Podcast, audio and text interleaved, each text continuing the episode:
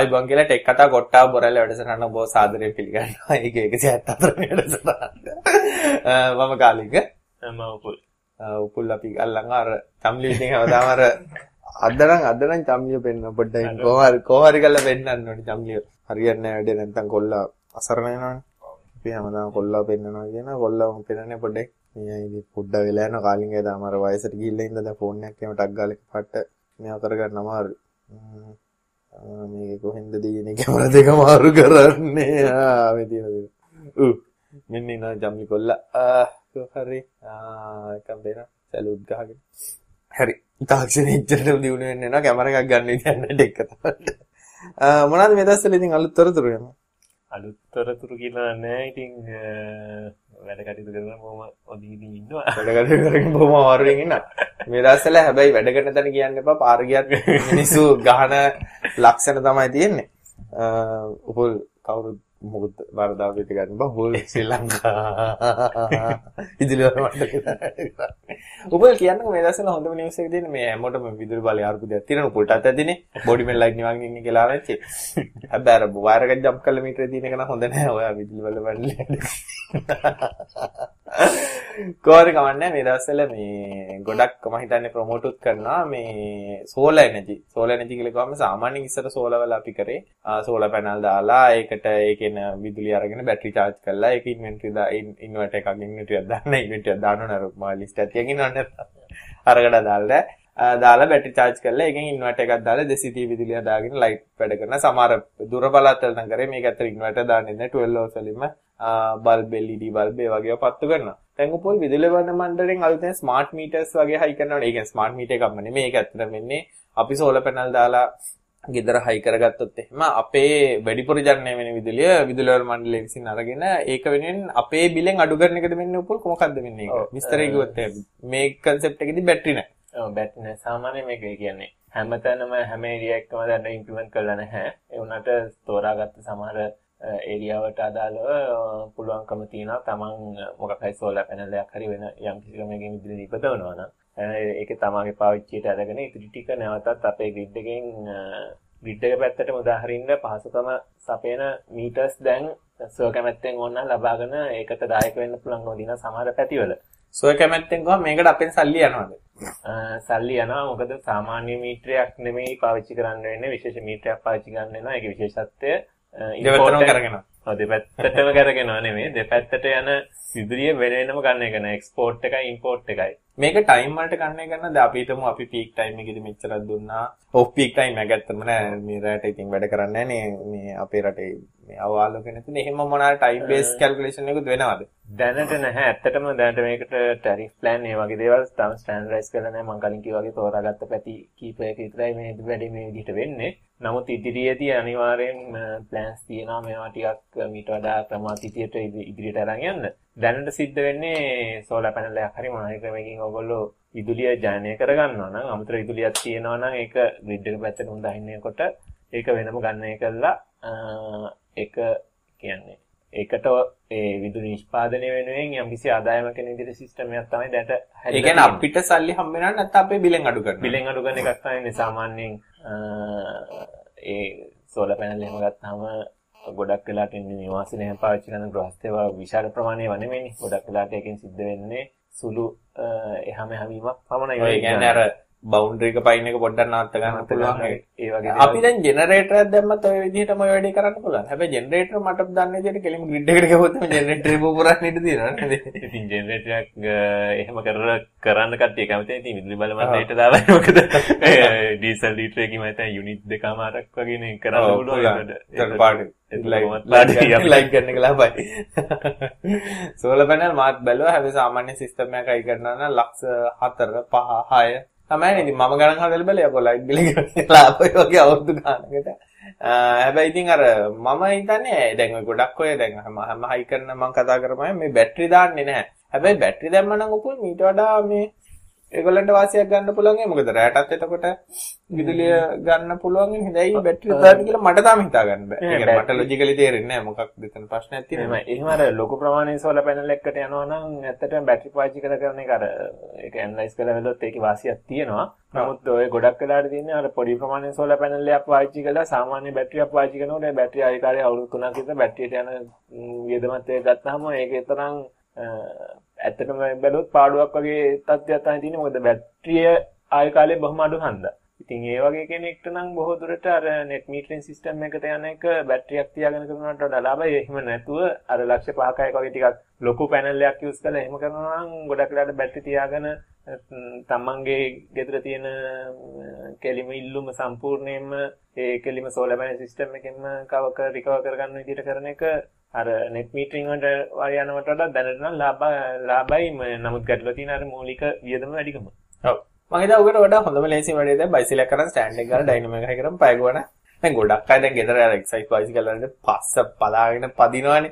ওই වෙලාව ඔකට පොඩි ඩාර දැන් ඇත්තටම එක්සයිස් මැෂින් වල කරන්නේ රෙසිස්ටිව් විදියට අර රෝදෙට තද වෙන පොඩි බෙල්ට් එකක් දාලා දෙන. ඉතින් අමාරුවෙන් පදින්නේ. ඔක ඩයිනමෝ එකක් වගේ හයි කරගත්තා නම් කාර් බැටරි එකක් හයි කරලා තිබ්බනම් අඩු ගන්න පැය දෙක තුනක ලයිට් කවර් කරගන්න තිබ්බා මේ Uh, බයිසිකලේ පැදලා. අනිත් කාරණේ තමයි ගොඩක් අය සෝලාර් පැනල් ගැන කතා කරනකොට දැන් uh, සාමාන්‍යයෙන් uh, නිවසක ගොඩක් විදුලිය වැය වෙන්න ඉඩ තියෙන දෙයක් තමයි වතුර රත් කරන්න වගේ දෙයකට මේ විදුලිය පාවිච්චි කරනවා නම් ඉතින් ගොඩක් දාට සෝලාර් පැනල් එකකට යනවට වඩා සෝලාර් වෝටර් හීටර්ස් වගේ පාවිච්චි කරනවා නම් එහෙම ගීසර් වෙනුවට ඒ කියන්නේ විදුලියෙන් විදුලිය වතුර රත් කරන වෙනුවට සෝලා මේ හීටර්ස් පාවිච්චි කරලා වතුර රත් කරනවා ඒකෙන් විදුලි බිලේ ලොකු විදුලියක් කරගන්න පුළුවන් ඒ කියන්නේ සෝලා පැනල් එකකට වියදම් කරනවට වඩා මේ සෝලා වෝටර් හීටර් එකකට වියදම් කරලා මේ සෑහෙන ඉන්වෙස්ට්මන්ට් එකක් කරගන්න පුළුවන්කම තියෙනවා. ඔව් මම හිතන්නේ ඒක මාත් පිළිගන්න මොකද මේ මෙහෙත් තියෙන සෝලා මේ හීටර් එක අපි ඒකෙන් දැන් එකක් තමයි දැන් උණු වතුර කරන්න යන කරන්ට් එක යන්නෙම නැහැ. තව දෙයක් තමයි අපි දැන් අපි වතුර බොන්නේ නම් උණු කරලා. ඒ කියන්නේ හැම බොන හැම වතුර ගම උණු කරලා මයිද අපේ ගෙදර අපි දෙන්නට දවසට කීතල දෙකක් විතර මයිද රත් කරන වතුර උණු කිරීම සඳහා. එතකොට අපි කරන්නේ අර සෝලා එකේ සෙල්සියස් අංශක 70ට 80ට විතර වගේ සාමාන්‍ය වතුර රත් වෙනවා. අපි කරන්නේ රත් කරන්න කලින් අර රත් වෙච්ච වතුර තමයි කොහොමද කේතලෙට දාන්නේ. එතකොට ගොඩක් දුරට වතුර රත් වෙලා ඊළඟට අපි ගෑස් වල තමයි රත් කරන කරන්ට් එක රත් කරන්නේ. මොකද කරන්ට් එක රත් කරන එක ඇත්තටම පාඩු. මොකද ලොකු මුදල මුදලක් කියන්නේ.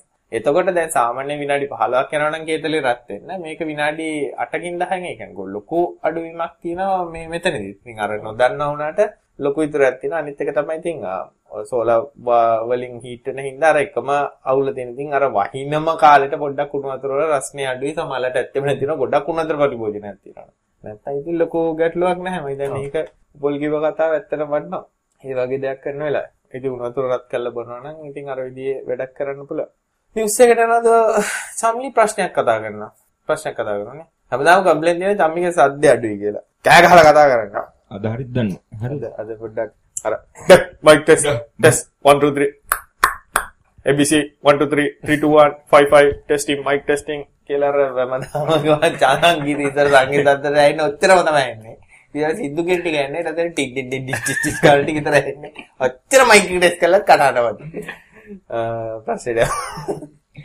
අනිත් ප්‍රශ්නේ අහලා තියෙනවා අය අර ගිය මාරු කරන රේසින් බයිසිකල් වල ටයර් යන ස්පෙයා පාර්ට්ස් ගන්න තැනක් ගන්නවා කියලා දෙනවා හොඳ තැනක් කොළඹ. මෙහෙමයි වැඩේ.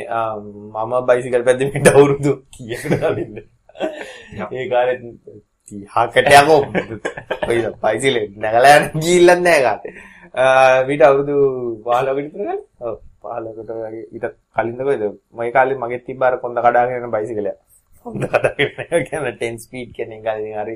ඒ කාලේ ඉතින් ගන්න පුළුවන් උපරිම වාහනේ ඕක තමයි දැන් ඔයගොල්ලන්ට මොටර් සයිකල් ඉතින් ඕක ඒකත් එක ටැන් දීච්චක් තිබ්බේ. ඊට කලින් තිබ්බ අර ගෑල්ලමයි ටයිප් එක පොල්ල නැති එක. ඒ වගේ චුටි වයි කියලා. ඒකේ නම් ඉස්සර මම ගෙනාවේ මොය මොරටුවේ කැම්පස් එකට හැරෙන පාර තියෙන්නේ. ඒ කියන්නේ අතන මොරටුව හන්දි. එතන තියෙන ජවුසියා කියලා එකක්. මේ පරණ කඩේ කාලේ අපි නම් බඩු ගත්තේ. ඒ කලින් ඒකේ නම් ඔය ඔක්කොම තියෙන හැබැයි ඉතින් බයිසිකල් වලට එච්චර ඔය වගේ බයිසිකල් ලොකු ගාණක් දෙන රේස් පදින වැරෙන්න දෙයක් කරන්න නැත්නම් ඉතින් අවශ්‍යද කියන එක තමයි මට නම් තියෙන ප්‍රශ්නේ. අපිත් ඒ දවස්වල අඩුවටම තියෙන ගියර් වීල් එක අරව මෙයා තමයි අරන් දැම්මේ. කොහොමද ඉතින් ඕකේ අර පොඩි යට තියෙන ප්ලාස්ටික් වීල් දෙක තමයි ගොඩක් වෙලාට ගෙවෙන්නේ අර ගිය මාරිනකොට යට තියෙන එක. ඊට පස්සේ ඉතින් ඕක කරනවා නම් ඉතින් බයිසිකල් වලට ගොඩක් කරන්න පුළුවන් ඉතින් රේසර් දාන්න පුළුවන්. රිම් මාරු කරලා ඇලොයි බර අඩු රිම් වලට දාගන්න පුළුවන්. ටයර් නම් DSI ල ගහනවා අර ටයර් දෙකක් තියෙනවා. එකක් තමයි තනිකර ඉරි තියෙන ටයර් එක. ඉරි තියෙන ටයර් එක ගොඩක් grip එක වැඩි ඒ වුණාට පදින්නකොට අර දුර පදිනවා නම් පොළොවට තියෙන grip එක වැඩි හින්දා පදින්න අමාරුයි. ඊළඟට තව ටයර් එකක් තියෙනවා සාමාන්‍ය සෙන්ටිමීටරයක් විතර තමයි උඩ පොඩි කට්ටයක් විතර තියෙන. ඒක තමයි පොළොවට තියෙන normal පදින. ඒකට අර පොළොත් එක්ක තියෙන ඝර්ෂණය ගොඩක් අඩු හින්දා ඉතින් අර ආයාසය අඩුයි. ඒ කියන්නේ grip um, අඩු හින්දා. ඒ ටයර් නම් ඔක්කොම DSI ලා ගහනවා. ඕන බයිසිකල් කඩේක තියෙනවා එහෙම ටයර් නම් මට එහෙම විශේෂයෙන් හොයන්න ඕනි කියලා නම් මම දැනන් හිටියේ නෑ. මොකක්ද දන්නේ නැහැ අවශ්‍යතාවය නේද? ඔච්චර විශේෂයෙන් වනේ කියන්නේ යා රේස් පදින්න වගේ බලනවා නම් ඉතින් මගේ රෙකමෙන්ඩේෂන් එක තමයි ජපානයෙන් කියන බයිසිකල් තියෙනවා. ඒව ගොඩක් හොඳයි. ඒක සාමාන්‍යයෙන් අර පොඩි ඇඟිල්ලෙන් විතර මෙහෙම වෙලා උස්සලා ගන්න බලනවා. මෙහි ඉතින් කෑල් ටික දැම්මාම මේ ඇඟිල්ලයි තව ඇඟිලි හයක් විතර තිබ්බම උස්සලා ගන්න පුළුවන්. මේක අත් දෙකට වගේ. හැබැයි මේ බයිසිකල් වලට එතන කඩේ නම් දැන් තියනවද නැද්ද දන්නේ නැහැ. මෙම හැරෙනකොටම මේ ගාල්ල පැත්තට හැරෙනකොටම මේ මොර්ටු කැම්පස් එක පාරෙන් ඇවිල්ලා වම් අත පැත්තට තියෙන දෙවෙනි කඩේ වගේ කලර් ලයිට්ස් එක්ක. එතර නම් හැබැයි ඉස්සර නම් මාර බඩු ගොඩක් තිබේ කියන්නේ. අපි අපිට අපේ කාලේ හැටියට පිස්සු දෙන බඩු සෙට් එක අපිට ජීවිතේට ගන්න බැරි. එක එක જાති අර නිකල් අපිට ඒ කාලේ තිබ්බ අර මේ ඒ බයිසිකල් පදින කාලේ හිටිය කට්ටිය දන්නේ නැති මේ අර නිකල් මඩ් ගද්දා. මේවා චම්බිල දන්නේ නැති. ඕවා කියන්නේ පාසල් වෙනවා. ඊළඟ ප්‍රශ්නෙට. ඊළඟ ප්‍රශ්න අහනවා eBay එකේ මොබයිල් ෆෝන් එකක් ගෙන්නනකොට එයා මේල් එකෙන් ගෙන්නුවොත් එහෙම ඒක අර ගෙදරටම ගෙනලා දෙනවද කියලා අහනවා. මෙයා අදහස් කරනවා මම හිතන්නේ DHL වගේ ගෙදරටම ඔක්කොම කරලා ගෙදරට නෑ ඒගොල්ලෝ ගෙනල්ලා දෙනවා. හැබැයි කස්ටම් ක්ලියරන්ස් වලට වඩා සල්ලි ගෙවන්න වෙනවා. නැත්නම් ඉතින් නිකන් පෝස්ට් එක දාලා අර ලක් එකට උරගා බලන්න පුළුවන්. එන්නත් පුළුවන් නැන්නත් පුළුවන්. නෝ આવොත් ඉතින් පොඩ්ඩක් ගිහිල්ලා ඊට පස්සේ TRC එක ගිහිල්ලා තිල්ලන්නේ. ඔව් 1500ක් දීලා ලයිසන් එකත් හදාගෙන ඊට පස්සේ ඉතින් කැටක් ටැක්ස් එකත් ගෙවලා ගන්න පුළුවන් නම් රටින් ගන්න හොඳට සීල් එකක් එහෙම අදින්නත් ඉඩ තියෙනවා. ඔව් හොඳ සීල් එකක් එහෙම අදින්නත් ඉඩ තියෙනවා. මගේ නම් ලොජික් එක තමයි ෆෝන් එකක් ගෙන එක්ක යාළුවෙක් කවුරු එනවනම් අතේ අරන් ආවට කමක් නැහැ. හැබැයි ඉතින් නෙට් එකෙන් මාත් අරන් තියෙනවා. හැබැයි මං අරන් තියෙනවා මීට අවුරුදු 8ක 9කට කලින් මේ අර ගත්ත ෆෝන්. ඒ කාලේ ඉතින් මන් මගේ කවදක්ක ෆෝන් net tax ඒ කාලේ ඇත්තටම eBay එකෙන් මෙහෙම බඩු ගේන මේ concept එකක් එච්චර තිබ්බ නැහැ. ඒක නිසා ඔය බඩු වෙන මිනිස්සුත් එච්චර ඕක ගැන අයිඩියා එකක් තිබ්බේ නැහැ. අපේ දැන් දැන් ගියාම පාර්සල් ගන්න ඉන්න පොලිම දැක්කම පිස්සු දෙන ඔක්කොම eBay උන්නේ.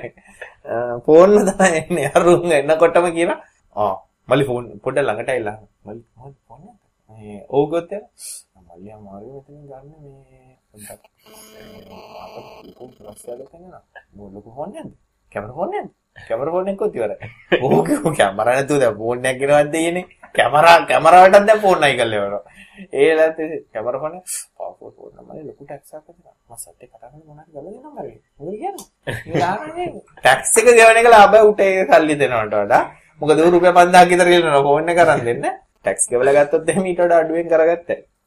ඉතින් ඒ වගේ හොඳක් දේවලුත් තියෙනවා දැන් මම ගංජා වගේ දෙයක් ගෙනවත් මම මම එක සැරයක් ෆෝන් එකක් ගෙනල්ලා ඔය වගේ මේ යාළුවෙක්ට ගෙනල්ලා මගේ නමට ඉතින් මට නේ ඒතකොට ඩේටින් කිරි කවුවෙන්නේ ඉතින් මං ගියා ක්ලියර් කරන්න. ඉතින් ඔය වගේම ඇවිල්ලා මං ගෝ ෆෝන් නැති මට ඉතින් හරිය තුන්දක් දෙනවනේ එළියට අරන් දෙන්න.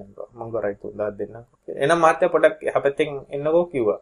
කොලෙත් මම අතර දුන්නා. අනික් කොලෙත් දිනා නැතර කියලා. එහෙනම් එන්නකෝ ඌ පෙට්ටිය වටෙන් අරන් ගිහලා මගේ අතට දීලා ගියා. ශ්‍රී ලංකා තමයි.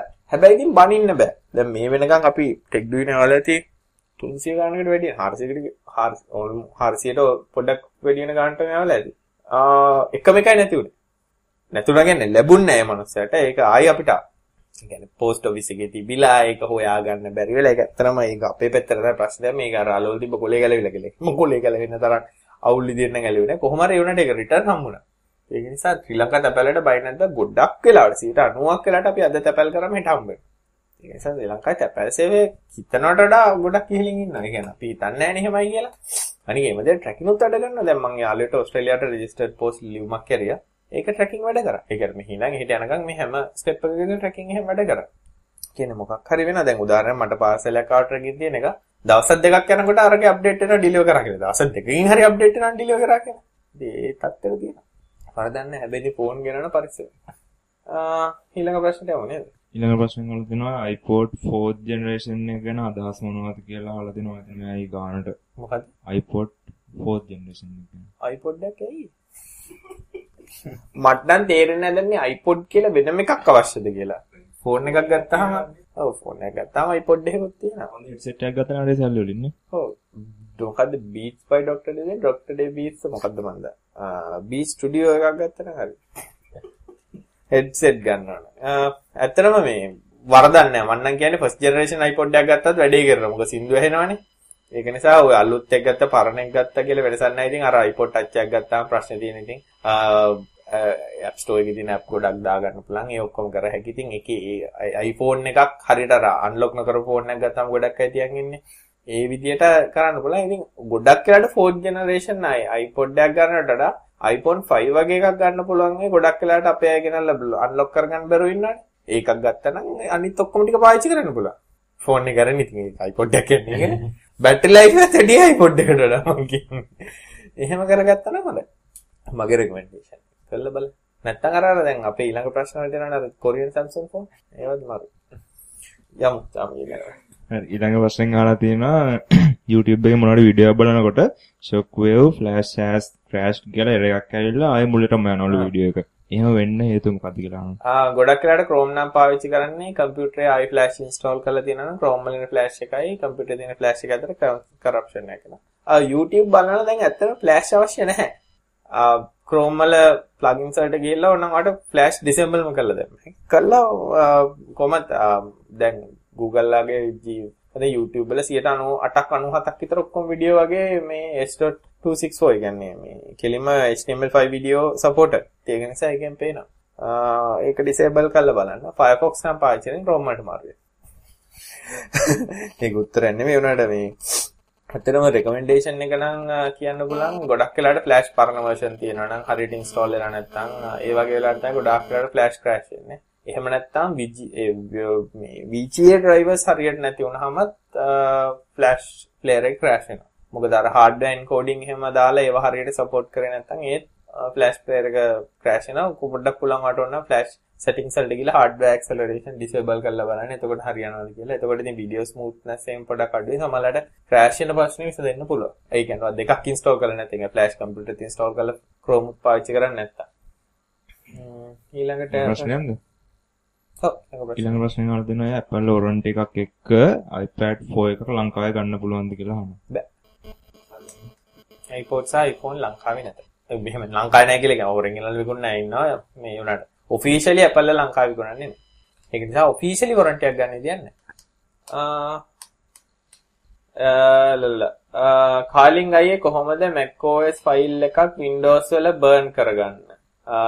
නුරාජ් අහන්නේ මට තේරෙන්නේ නැහැ නුරාජ් වගේ ප්‍රශ්නේ හරියට macOS ISO ෆයිල් එකක් Windows වලින් බෝ ඔයා අහන්නේ macOS iOS ෆයිල් එක නේ Mac වල තියෙන image ෆයිල් එකක් කොහොමද මේවා කරගන්න කියලා ඒකට img burn දාගත්තා නම් img burn වලින් support කරා. ඊට පස්සේ තවත් අහනවා ආ මේ සංජය අහන chat එකේ ලංකාවේ net bandwidth එක කොච්චරද? වැඩියම bandwidth එක තියෙන SLT ද dialog ද? 4G ලංකාවටම දෙන්න දැනටත් bandwidth එක ඇතිද? සංජයගේ පළවෙනි ප්‍රශ්නෙට ලංකාවට බෑන්ඩ්විඩ්ත් කොච්චරක් තියෙනවද? හරියටම ඉතින් ගණන් හදලා බලන්න බෑ. මට විදිහට SLT එකට 5 ටෙරබයිට් දුරක් තියෙනවා නේද? ආ මට මතක නෑ. ඒගොල්ලෝ සයිට් එකේ දාලා තියෙනවා. ඒ කියන්නේ එහෙමයි. ගිහින් බලන්න බෑනේ මට බෑන්ඩ්විඩ්ත් කීයක් තියෙනවද කියලා. ආ දැනට ඩයලොග් ද වැඩියෙන් බෑන්ඩ්විඩ්ත් තියෙන SLT SLT වැඩියෙන් බෑන්ඩ්විඩ්ත් තියෙන්නේ. ලංකාවේ හැමෝටම 4G දුන්නත් බෑන්ඩ්විඩ්ත් ඇතිද? 4G නෙමෙයි 3G දෙන්නවා නම් බෑන්ඩ්විඩ්ත් නෑ. කිවලට බෑන්ඩ්විඩ්ත් තියෙන දෙයක් නෑනේ. හැබැයි මෙහෙම කතාවක් මෙතනදී තියෙනවා. දැනට වෙලා තින්නේ 4G 3G ස්පෙක්ට්‍රම් එක කියන්නේ 2100 බෑන්ඩ් එක ගොඩක් කන්ජෙස්ටඩ්. කන්ජෙස්ටඩ් කියලා කියන්නේ ගොඩක් ෆෝන්ස් 3G වල තියෙන්නේ ඩොන්ගල් 3G වල වැඩ කරන්නේ. ඒක නිසා channel ගොඩක් අඩුයි. ඉතින් ඒක නිසා ගොඩක් වෙලාට ලැබෙන experience එක ගොඩක් කවුල් 3G වලදී. උදාහරණයකට මම ඉන්නේ මෙතන 3G 3Gද කියලා හිතනවා. සමහරවිට ෆෝන් එක දිහා බලලා කොනිත් එකනත් බලනවා මේ L3G කියලා පත් වෙනවට HSP එහෙම පත් වෙන ඇත්තට මේ එන්නේ කියලා මොකද කිලෝබයිට් 10 15 වෙන්නේ මම පෙන්නලා ඉතින් ඔතන ඩයලොග් නමුත් 4G ගත්තාම මෙහෙ මෙගාබයිට් 26ක් විතර එනවා. දැන් හිතන්න එපා යන යන තැන මට මෙගාබයිට් 26 ගන්නවා කියලා නෑ. ඒෂියා වල සමහර තැන් වලට උදාහරණ ගත්තොත් තායිලන්ඩ් ඒ වගේ රටවල් වලට අපිට කිසිම වැඩක් නැති රටවල් වලට 26ක් විතර එනවා. ඇමරිකාවට ගියාම 1 MB වලට අඩු වෙනවා. ඒකට හේතුව තමයි ඩයලොග් වල ගොඩක් ඒෂියා පැත්තට තමයි කනෙක්ටිවිටි හදාගෙන තියෙන්නේ. නමුත් අපිට අවශ්‍ය වෙන්නේ හැම සර්වර් එකක්ම අපි ඩවුන්ලෝඩ් කරන ගොඩක් දේවල් තියෙන්නේ යුරෝප් පැත්තේ. එහෙම නැත්නම් ඇමරිකාව පැත්තේ. ඉතින් ඒ පැත්තට යන බෑනේ. තාම අපිට ගොඩක් ඕනේ. ඉතින් ගොඩක් අය පාවිච්චි කරන්නේ ඒ පැත්තට යන බෑනේ. ඉතින් ඒවා අඩුයි. නමුත් දැන් මෙතෙන්දි වෙලා තියෙන දැන් ගොඩක්ම ෆෝන්ස් තියෙන්නේ 3G ෆෝන්ස් නේ. එතකොට ගොඩාක් වෙලාට මේ 3G ෆෝන්ස් පාවිච්චි කරන අපි කලින් කිව්වා වගේ 2100 බෑන්ඩ් එක. නමුත් 4G වලදී ලංකාවේ පාවිච්චි කරන්නේ 1800 බෑන්ඩ් එක. 1800 බෑන්ඩ් එක පාවිච්චි කරන්නේ ඇත්තම 2G ෆෝන්ස් වලට 900 එකයි 1800 එකයි. 1800 එක ගොඩක් වෙලාට channels free. ඉතින් ගොඩක් වෙලාට මොකද 2G ෆෝන් එකක් ඉතින් තියෙන්නේ කීයෙන් කී දෙනෙක් අතේද අර 2G ෆෝන් එකක් තියෙදි ඒක data data නැහැනේ. කෝල් එකක් ගත්තොත් විතරයි. ඉතින් ඒක නිසා අර 2100 ස්පෙක්ට්‍රම් එකට වඩා 1800 එක දැනට එච්චරම congested ස්පෙක්ට්‍රම් එකක් නෙමෙයි. ඉතින් ඒක නිසා දැනට 4G වල channel ප්‍රමාණය වැඩි. ඉතින් 4G ෆෝන් කියෙන් කීයක් තියෙන්නේ 4G කොහමද? දැනට හොඳටම තියෙනවා. දැන් ඒ කියන්නේ හොඳට තියෙනවා. කියන්නේ අපේ ගෙදර නම් 4G on කරාම සිග්නල් කණු දෙක එකාවත් සාමාන්‍ය හොඳට තියෙනවා. නමුත් ප්‍රශ්නේ තියෙන්නේ ෆෝන් එකක් 4G දාගෙන ඉන්න බෑ. ඉක්මනට බැටරි බහින්න. මට හිතාගන්න මේක මොන ප්‍රශ්නයක්ද කියලා මොකද ටෙක්නොලොජි එන්නේ ඉන්නේ වැඩි වෙන්න වැඩි වෙන්න අර අනිත් පැත්තෙන් බැටරි කන්සම්ප්ෂන් හරියන්න ඕනේ මේ එෆිෂියන්සි වැඩි වෙන්න ඕනේ ඒක තනිකර කන පිට තමයි වෙලා තියෙන්නේ. කියන්නේ 2G පාවිච්චි කරනකොට ගිය බැටරි වගේ 100 ගුණයක් වැඩියෙන් යන 4G. දැන් උදාහරණයක් ගත්තොත් මගේ ෆෝන් එක 4G දාලා මම පාවිච්චි කරත් එක දිගට පැයක් කරනකොට බැටරි වැහලා. 3G දාගෙන ඉතර පැය 3කින් ඉතර වැහලා. 2G දාගෙන හිටත් දවස් 3කට පස්සේ බලනකොට බැටරි දෙනවා. ඒක තමයි අර වෙනස අර ඒකයි වෙලා තියෙන්නේ ඉතින්. ඕක තමයි දැනට තියෙන තත්ත්වය. දැන් හැමෝම 4G වලට මාරනකොට කරන්නේ 3G වලට ඔයගොල්ලෝ මාරුවේ. මොකද අර 2G එක කන්ජස්ටඩ් වෙනකොට 3G එකට මාරුනා නම් හරි. ඉතින් මේකට විසඳුමක් තියෙනවා. කියලා. යූසර්ස් සාමාන්‍යයෙන් සෙල් සෙල්ෆෝන් මොබයිල් කියන ටෙක්නොලොජි වල තියෙන සරලම තියරිය තමයි යූසර්ස්ලා වැඩි වෙනකොට ටවර් වැඩි කරනවා. ඒක තමයි සිම්පල් ලොජික්. නමුත් ටවර් වැඩි කරනවා කියන එක ලේසි පාස් එකක් නෙවෙයි. මොකද ඒකට ලොකු වියදමක් යනවා. ලොකු ඉන්ෆ්‍රාස්ට්‍රක්චර් හදන්න ඕනේ. ඉතින් මේ අතර කනෙක්ටිවිටි හදන්න ඕනේ. 4G වගේ පාවිච්චි කරනකොට අනිවාර්යෙන් 5G වගේ කනෙක්ටිවිටි තියෙනවා ටවර්ස් වලට. මොකද මේ මේ රේඩියෝ ලින්ක් ඔය E1 ගහගෙන වැඩි කරන්න බෑ 50 60 MB එක යූසර් නෙට් යනවලු යූසර්ලා 100ක් විතර ටවර් එකගෙන ඉන්නවා කොච්චර බෑන්ඩ්විඩ්ත් එකක් තියෙනවද කියලා එතන ප්‍රශ්නේ ඉතින් ෆයිබර් හැමෝටම නෑ. ෆයිබර් තනි තනියෙන් දාගන්නේ. මොකද ලංකාවේ concept එක නෑ. මේ infrastructure sharing කියන concept එක නෑ. ඒ කියන්නේ පිට රටවල් නම් තියෙන ඇත්තටම ෆයිබර් කේබල් දාන්නේ මොකක් හරි කම්පැනි එකකින්. ඒ ෆයිබර් එක ඕනම කම්පැනි එකකට ඇවිල්ලා share කරගෙන පාවිච්චි කරන්න පුළුවන්. එතකොට අර අනිත් කම්පැනි වලට පොඩි කම්පැනි එකකට දෙන්න පුළුවන්. මොකද infrastructure සඳහා ඒගොල්ලන්ට වියදම් කරන්න තියෙන හැකියාව අඩුයි. පිටරට තවත් concepts තියෙනවා. ඒ කියන්නේ existing mobile infrastructure වෙන කම්පැනි වලින් අරගෙන විකුණන දා. උදාහරණයක් ගත්තොත් Metro PCS වගේ ඇමරිකාවේ තියෙන ඒවා. ඇත්තටම වෙනත් මොබයිල් නෙට්වර්ක් උඩ තමයි දුවන්නේ. ඒ කියන්නේ Verizon හරි මොකක් හරි නෙට්වර්ක් එකක් අරගෙන ඒගොල්ලෝ ඒගොල්ලන්ගේ ඒවා shares කියන්නේ ඇත්තටම ඒගොල්ලන්ගේ resources ආයෙ resell කරනවා. අර resell hosting වගේ වැඩ. ඉතින් මේ වගේ concepts එනකොට ලංකාවේ මම හිතන්නේ මේ ප්‍රශ්න ගොඩක් විසඳේ දැනට ඉතින් SLT ඒගොල්ලන්ගේ බාර දාගෙන යනවා, dialog ලා ඒගොල්ලන්ගේ බාර දාගෙන යනවා. මොබිටෙල් I think SLT එකත් එක පොඩි ජැකයක් තියෙන හින්දා ඉතින් ඒවා පාවිච්චි කරනවා. ඉතින් ඕක හොඳ වැඩ තමයි ඉන්ෆ්‍රාස්ට්‍රක්චර් එකක් ෂෙයා කරන කම්පැනියක් හරි අඩු ගානේ SLT හරි ගොත් අපේ බෑන්ඩ්විඩ්ත් ඔයගලන්ට පාවිච්චි කරන්න පුළුවන් කියලා මේ ප්‍රශ්න මම හිතන්නේ ගොඩක් විසඳෙන්න ඉඩ තියෙනවා.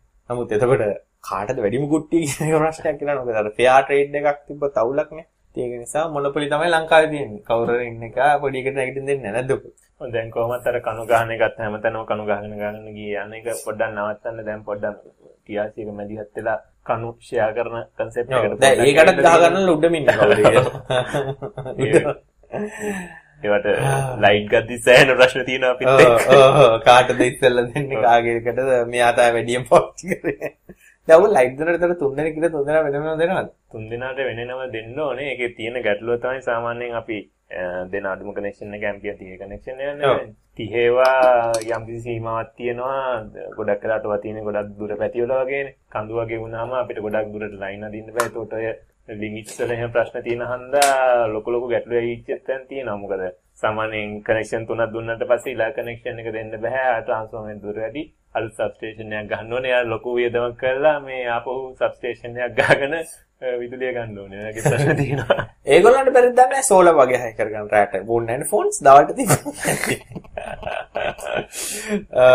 ඒකත් හොඳ අයිඩියා එකක්. ඔය ෆෝන් කම්පැනි පොඩ්ඩක් ඉතල බලන්න. ඕගොල්ලෝ සෝලර් කරගත්තොත් මොකද දැනට ඔය ලයිට් එහෙම හයි කරලා තියෙනවන්නේ නේද? ඔය කියන්නේ දැන් උදාහරණයක් ගත්තොත් අපේ නාවල තියෙන විනෝද පාක් එකක් තියෙනවා විනෝද පාක් එකේ ලයිට් තියෙන නම් අර සෝලර් දාලා ඒ වැත්තට සෝලර් වලින් වැඩ කරනවා දන්නේ නැහැ සෝලර් පැනල් එක මේක ඉතින් යටිම පාරක් දාලා දන්නේ නැහැ ඒ වුණාට වැඩ කරනවා Uh, මදුගේ chat එක යනවා calling එක what is 30% off in dialog uh, තියෙන ගානට වඩා 130ක් අඩු වෙනවා මට ප්‍රශ්නයක් ගන්නකොට කරා ගල්ලා පැහැදිලිව කියන්න uh, එයාට ඉංග්‍රීසි වචන තේරෙන්නේ නැතුව දැන් අපි දන්නේ නැහැ 30% off කියලා කියන්නේ 130ක් දැන් උදාහරණයක් ගත්තා 100ක බඩුවක් නම් 130ක් අඩු කරාම 90කට හම්බ වෙනවානේ. අනේ 90 නෙමෙයි. මගේ ගණන් මරු 70කට 70කට හම්බ වෙනවා. මට වීඩියෝ එක ඔෆ් යාලු. වීඩියෝ එක කාලින් ගෑටත් ඔෆ් යාද දන්නේ නැහැ. අපිට එන්න බලන්න අපේ Ustream එක නෑ බ්‍රෝඩ්කාස්ට් එක. හරි. ඊළඟ ප්‍රශ්නේ මනේ තමයි.